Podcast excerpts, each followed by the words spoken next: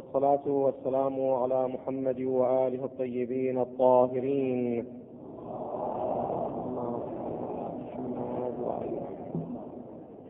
قال الله تعالى في محكم كتابه العزيز يا أيها الذين آمنوا اتقوا الله وكونوا مع الصادقين.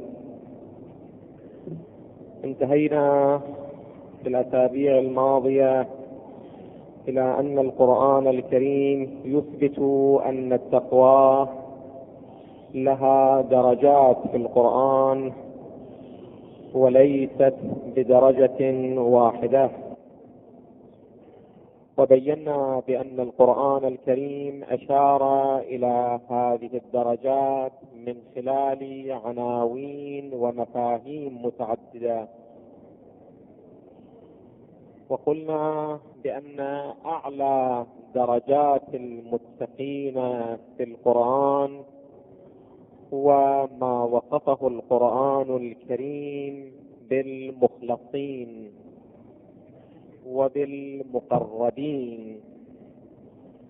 أعلى درجات الإيمان والعمل الصالح في القرآن الكريم إنما هو للمخلصين في القرآن وللمقربين في القرآن الكريم.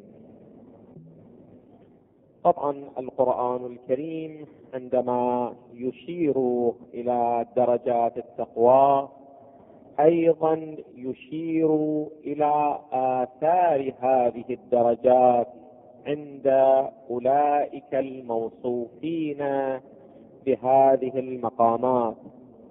فمثلا إذا صار العبد من المقربين ما هي الآثار المترتبة على كونه مقرب؟ إذا صار العبد من الأبرار ما هي الآثار المترتبة على كونه منهم؟ إذا صار العبد من الموقنين ما هي الآثار؟ وهكذا القرآن الكريم يشير إلى كل واحدة من هذه العناوين والآثار المترتبة عليها يشير إلى درجات المنيبين إلى درجات المخبتين.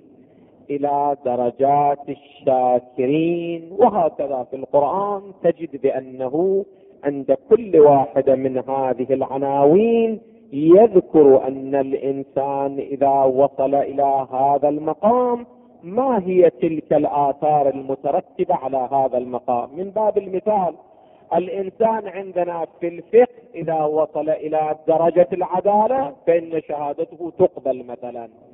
يمكنه أن يكون قاضيا يمكنه أن يكون إمام جماعة ونحو ذلك. هذه آثار ماذا؟ هذه آثار العدالة. الإنسان إذا وصل إلى الدرجة العلمية الكذائيه يمكنه أن يكون مرجعا للتقليد وهكذا. كذلك القرآن عندما يأتي إلى هذه الدرجات يبين الآثار المترتبة على كل درجة من هذه الدرجات. نحن نحاول إن شاء الله تعالى في هذا الأسبوع وفي الأسابيع القادمة إن شاء الله تعالى إذا كنا بخدمة الإخوة أن نتكلم في بعض هذه العناوين التي أشار إليها القرآن الكريم. من أهم هذه العناوين كما أشرت عنوان المخلصين في القرآن. طبعا القرآن يميز جيدا بين المخلصين في القرآن وبين المخلصين في القرآن. وبسبب عباره أخرى بين المخلص بكسر اللام اسم الفاعل وبين المخلص بفتح اللام الذي هو اسم المفعول. فالان ما هو الفرق بين المخلصين والمخلصين في القرآن؟ المهم لابد أن نعلم أن الأنبياء ليسوا جميعا من المخلصين وإنما البعض منهم من المخلصين والبعض الآخر من مخلصين لماذا؟ باعتبار أن القرآن يقول وتلك الرسل فضلنا بعضهم على بعض. الأنبياء الرسل لهم درجات وهم طبقات بعضهم من أولي العزم بعضهم ليسوا كذلك مع أنهم جميعا معصومون بعصمة تامة في جميع شؤون حياتهم. ولكن مع ذلك أنت تجد القرآن الكريم يقول للخاتم صلى الله عليه وآله وسلم ولا تكن كصاحب الحوت مع أن صاحب الحوت نبي معصوم ولكن القرآن يقول للخاتم ولا تكن كصاحب الحوت لأن مقامك شيء ومقام يونس صاحب الحوت ماذا؟ شيء آخر. وتلك الرسل فضلنا بعضهم على بعض الأنبياء أيضا كذلك. طبعا مو على مستوى الرسل على مستوى الأنبياء أيضا كذلك. على أي الأحوال؟ المخلصون في القرآن الكريم عندما نأتي إليهم نجد أن القرآن يذكر لهم أهم أوصاف ثلاثة. الوصف الأول الذي يذكره القرآن لهم قوله تعالى في سورة صاد. قال هذا قسم إبليس عندما أمر بالخروج من السماوات. قال فبعزتك لأغوينهم أجمعين إلا عبادك منهم المخلصين. التفتوا جيدا. إبليس هنا استثنى المخلصين من الإغواء. أنتم تتصورون بأنه كان يحب المخلصين حتى استثناهم من الإغواء. لا لأن المخلصين وصلوا إلى مقام يستطيع إبليس أن يغويهم أو لا يستطيع. ها؟ وصلوا إلى مقام بعد ليسوا في متناول إبليس حتى يغوي أولئك. فلهذا استثناهم. مو خبا بهم وإنما لأن يده لا تنالهم. فلهذا قال رسول الله صلى الله عليه وآله وسلم لكل إنسان شيطان يغويه ولكن شيطاني أسلم على يدي. لا يستطيع بعد أن يغويني أن يوسوس لي. فلهذا تجد القرآن الكريم في مقام آخر يقول إن عبادي ليس لك عليهم سلطان. من هم عباده؟ إلا عبادك منهم المخلصين. إن عبادي ليس لك عليهم سلطان إلا من اتبعك من الغاوين. إذا القرآن الكريم الوصف الأول الذي يذكره للمخلصين هو أنهم هل هم في متناول يد الشيطان أو ليسوا في متناوله بعد هل يستطيع أن يغويهم أن يضلهم أن يمنيهم أن يوسوس لهم وسوسة توقعهم في الحرام أو في المكروه ونحو ذلك أو لا يستطيع؟ ها؟ فلهذا تجد ورد بأنه كلمة لا إله إلا الله حصني ومن دخل حصني امن ها؟ من عذابي. هؤلاء دخلوا الحصن الإلهي. وإذا دخل الإنسان في الحصن الإلهي بعد هل يستطيع الشيطان أن يدخل هذا الحصن أو لا يستطيع؟ طبعا تعلمون في مسألة الحصن توجد عندنا طائفتان من الروايات. رواية تقول كلمة لا إله إلا الله حصني وروايات تقول ها ولاية علي بن أبي طالب حصني ومن دخل حصني أمن من عذابي. هذه لا تتصورون أن هذه الروايات متعارضة. لا لأن حقيقة التوحيد لا تتم إلا من خلال الولاية.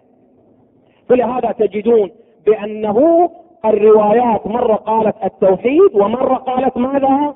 الولاية. لأن الطريق إلى التوحيد لا يمر إلا من خلال ماذا؟ من خلال ولاية علي وأهل بيته عليهم أفضل الصلاة والسلام. اذا المقام الأول الوصف الأول للمخلصين في القرآن أنهم ليسوا في متناول الشيطان. المقام الثاني أو الوصف الثاني الذي ذكره القرآن للمخلصين أو للمخلصين قوله تعالى في سورة الصافات سبحان الله عما يصفون. إلا عباد الله المخلصين. الله سبحانه وتعالى ينزه نفسه عن كل وصف يصفه واصفنا. إلا المخلص يحق له ماذا؟ ها؟ أن يصف الله سبحانه وتعالى. أما غير المخلص يحق له أن يصف الله أو لا يحق له؟ ها؟ الله يقول أنا منزه عن كل وصف وعن كل صفة تصفوني بها إلا وصف من؟ إلا وصف المخلصين. أولئك يحق لهم أن يصفوني. فلماذا؟ باعتبار أنهم بلغوا من المعرفة في التوحيد درجة يستطيعون ماذا؟ أن يصفوا الله سبحانه وتعالى. أن يعرف الله للناس يعرف الله سبحانه وتعالى للناس. من هنا تجدون نحن في مدرسة أهل البيت نؤكد على أن الطريق التوحيد لا يمر إلا من خلال الولاية لماذا؟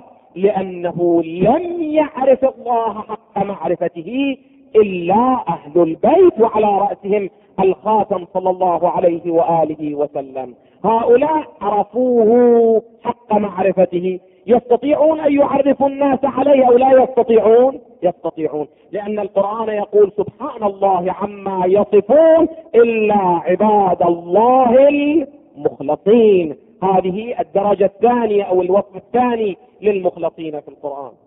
الوصف الثالث الذي ذكره القرآن للمخلصين قوله تعالى فكذبوه فإنهم لمحضرون يوم القيامة الكل يحضر للحساب.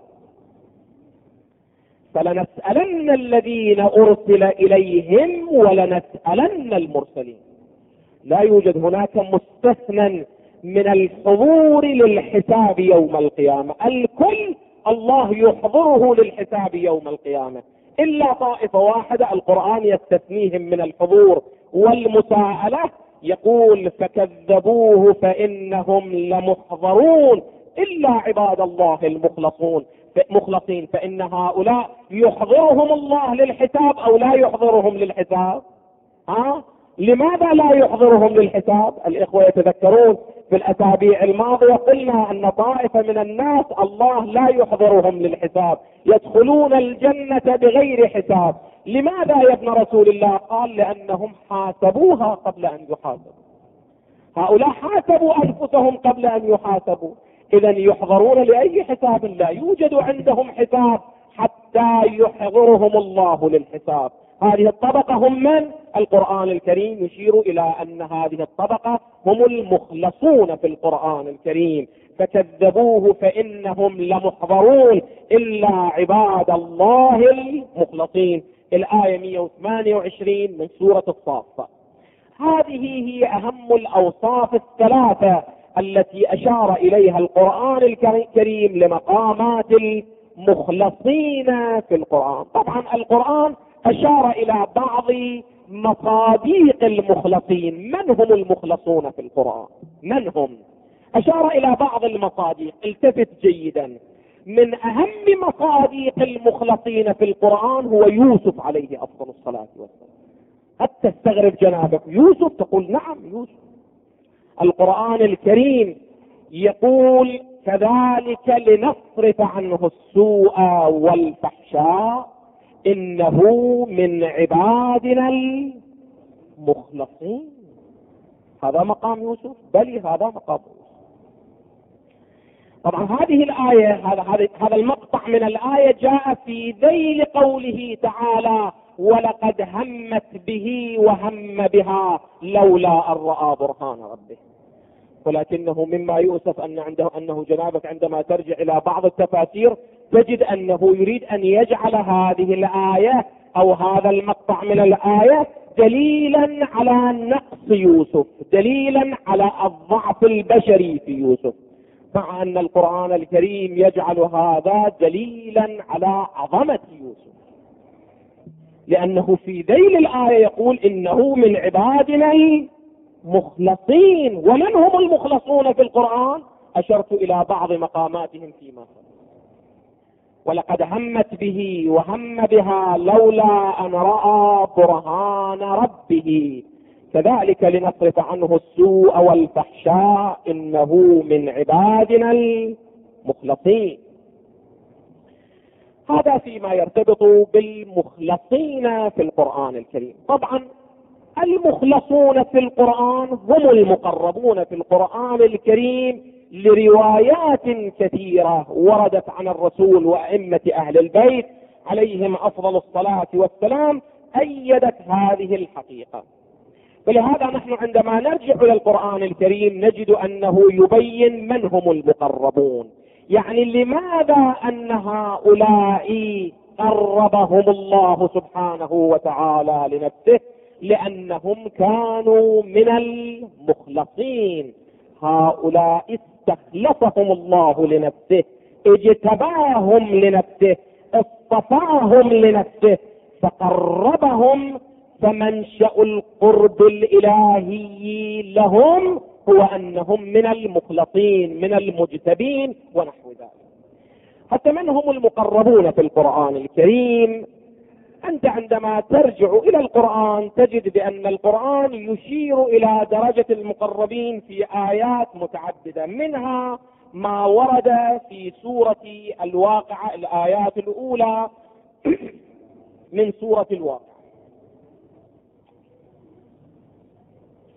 قال تعالى وكنتم ازواجا ثلاثة فأصحاب الميمنة ما أصحاب الميمنة وأصحاب المشأمة ما أصحاب المشأمة والسابقون السابقون أولئك المقربون في جنات النعيم ثلة من الأولين وقليل من الآخرين. هسه عدد هؤلاء القليل ما هو بحث الآن لا أريد أن أدخل فيه ولكن بنحو الإجمال القرآن يقول أن المقربين هم ثلة من الأولين وقليل ماذا؟ من الآخرين. أما لو سألنا القرآن الكريم من هؤلاء المقربون في القرآن الكريم؟ التفت جيدا إلى أن القرآن عندما يأتي لبيان مقامات المقربين في القرآن ماذا يذكر في حق المقربين؟ عندما نأتي إلى مقامات المقربين في القرآن في سورة المطففين القرآن يشير إلى مقامات المقربين. انظر جيدا إلى هذه الآيات المباركة لبيان مقامات المقربين. قال الله تعالى كلا إن كتاب الأبرار لفي عليين وما أدراك ما عليون. التفت جيدا. هسه مقامات الأبرار ما هي؟ يقول وما أدراك ما عليون. إن كتاب الأبرار لفي عليين. الآن الوقت لا يسع. ها اقرأ كتابك كفى بنفسك اليوم عليك. حسيبا. القرآن يقول كتاب الأبرار أين؟ لفي عليين. وما أدراك ما عليون. طبعا القرآن من يقول وما أدراك يعني مقام يمكن أن يخطر على ذهنك أو لا يمكن أن يخطر على ذهنك. كما يقول في ليلة القدر إنا أنزلناه في ليلة القدر. وما أدراك ما ليلة القدر؟ يعني هذه الليلة يمكنك أن تقف على حقيقتها أو لا يمكن؟ ها؟ لا يمكن. مقامات الأبرار في القرآن. القرآن يقول وما أدراك ما عليون. كتاب مرقوم. خلي ذهنك يمي يقول الأبرار لهم كتاب ولكن هذا الكتاب من الذي يقرأه ويشهد عليه ويشاهده؟ من؟ يقول يشهده المقربون. إذا المقربون فوق الأبرار لو مو فوق الأبرار. ها؟ أولئك يشهدون مقام ماذا؟ مقام الأبرار. يشهده المقربون. إن الأبرار لفي نعيم. على الأرائك ينظرون. تعرف في وجوههم نظرة النعيم. يسقون من رحيق مكتوم ختامه مسك وفي ذلك فليتنافس المتنافسون. محل الشاهد هذه الآية؟ خلي ذهنك يمي جيدا. قال هؤلاء يسقون من رحيق مختوم. وختامه ماذا؟ مثل ولكن عندما يسقون من الرحيق المختوم الله يمزج لهم من تسنيم التسنيم عين في الجنة يقول الله سبحانه وتعالى نحن نعطي للأبرار من الرحيق المختوم ولكن نمزج لهم شيئا من ماذا؟ ها؟ من التسنيم فهؤلاء يشربون من عين التسنيم ممزوجا لو خالصا ها؟ ممزوج يشربون لو يشربون. ممزوج مزاجه من تسنيم. فهذا التسنيم ما هو؟ قال عينا يشرب بها المقربون. يعني هذا التسنيم خالصه لمن؟ ها؟ للمقربين. ولكنه ما هو أدنى منهم وهم الأبرار يمزج لهم من ذلك العين ويعطى لمن؟ للأبرار.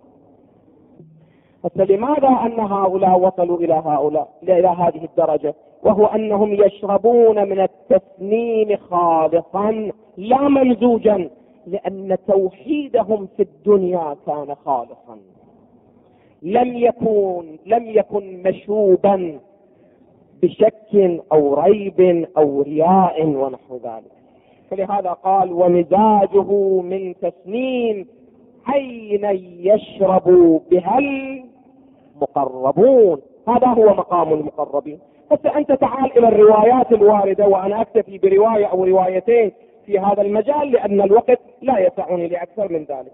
الروايات الواردة في ذلك كثيرة، منها هذه الرواية الواردة في البحار المجلد الرابع والعشرين الرواية عن الباقر عن النبي صلى الله عليه وآله وسلم. قال قوله عز وجل ومزاجه من تسنيم قال هو أشرف شراب في الجنة يشربه محمد وآله.